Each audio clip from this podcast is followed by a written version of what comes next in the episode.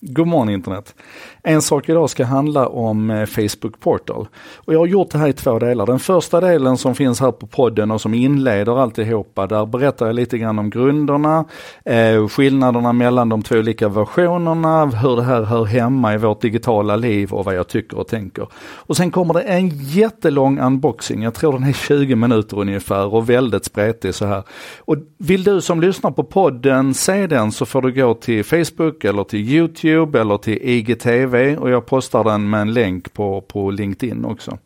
Ehm, men vi börjar med då vad det här är för någonting. Och Facebook Portal det är alltså deras nya hårdvara. Det är en produkt där man vill flytta in i hemmet med kamera och, och skärm och, och bli närvarande på ett annat sätt. Och det är två versioner. Den ena heter Portal, den andra heter Portal Plus. Eh, Portal kostar ungefär 200 dollar och Portal Plus kostar 350 dollar. De gör i grunden exakt samma sak, men det som skiljer är att den som heter Portal Plus har en större skärm som du dessutom kan vrida så att den kan vara antingen stående eller liggande och väldigt högupplöst. Eh, och Portal Plus har också lite bättre ljud, ljud ut. Ljudet in är samma, det är fortfarande fyra sådana här mickar som kan lyssna runt och, och avsikten är att, att den ska kunna plocka upp ljudet väldigt bra ifrån dig och dessutom höra var du är någonstans och sånt. Men i grunden så är det samma sak. Och man kan säga att det här är en, en, en portal, en portal, det är en, en, en väg in till Facebook Messenger egentligen, till de här personliga samtalen som du kan ha där med, med röst och med, med, med video då.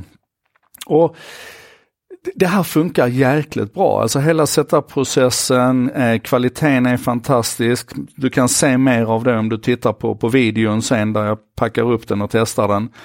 Eh, men ett par slutsatser av det här och det ena det är att Facebook satsar på det här för att man har dratt slutsatsen att, att video och one-to-one -one är viktigt. Alltså det är en, en, ett led i det här med personligt möte samtidigt som man då inte bara tar fasta på det här jätteindividuella som, som mobiltelefonen och, och den lilla skärmen är utan man vill flytta in i köket, man vill flytta in i sällskapsrummet, man vill flytta in i, i barnens lekkammare så här.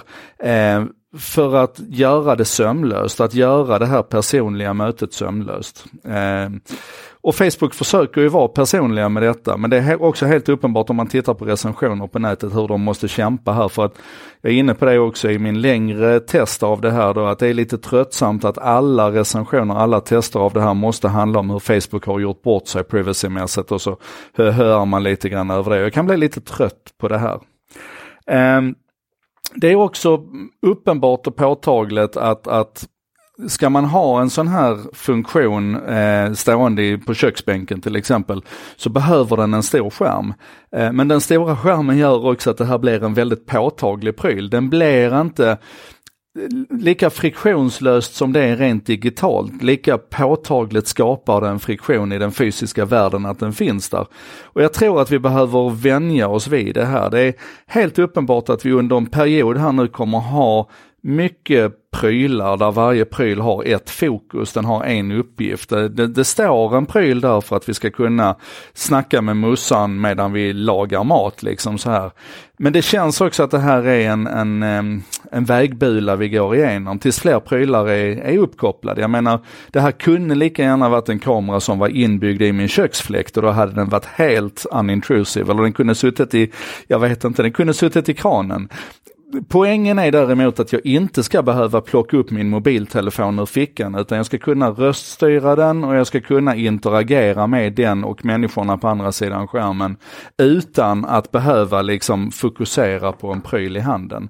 Eh, och det här är ju naturligtvis bara ett steg ytterligare mot att vi har det här här inne istället, alltså brain to computer interface. Jag har varit inne på det tidigare, jag kommer inte ifrån det, det är jätteviktigt. Samtidigt som det här är en tydlig trend just nu med prylar som gör en sak så är det också tydligt att, att andra tjänster bäddas in i det. Så att min, min Facebook Portal kan ju till exempel allting som en, en Amazon Echo kan. Alltså Alexa är helt inbäddat i den här. Och här ser vi nu hur de här röstassistenterna, hur det är lite grann ett krig här idag. Mina Sony-lurar, de har Google Assistant inbyggt. Mina Nuhera-lurar har Siri inbyggt. Min Facebook Portal har, har Alexa inbyggt. Um, vi ser ett helt nytt ekosystem mejslas ut här nu där röstassistenterna krigar om att ta plats. Och Förmodligen så kommer det väl att sluta med att alla kan prata med allting sådär va, men, men just nu så är det så här och, och jag väntar verkligen på att min, eh, min Anki Vector, min lilla robot där hemma, att den ska få sitt Alexa-stöd också. För ni vet, det är ju så här när du köper en hårdvara idag så behöver den ju inte vara färdig utan den utvecklas över tid. Och det här är spännande. Så okej, okay, ska jag, nu höll det på att bli långt det här också. Ska jag sammanfatta vad jag tycker om Google Portal så är det en jättes, eller förlåt, Facebook Portal. Det är en snygg lösning. Det är en elegant hårdvara, den är gediget byggd. Eh, kamerans följbarhet, det här med att den följer med dig när du rör dig i köket och sådär. Klockrent, ett antal roliga grejer med de här interaktiva momenten där du kan berätta sagor och du kan få på dig olika masker och sådär. Jättesnyggt va.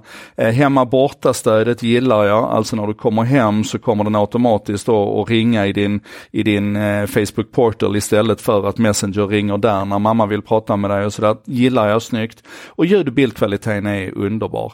Um, Sammanfattningsvis så vill jag nog säga att den här kommer tillfället att hitta sin plats hos mig och Katarina i alla fall.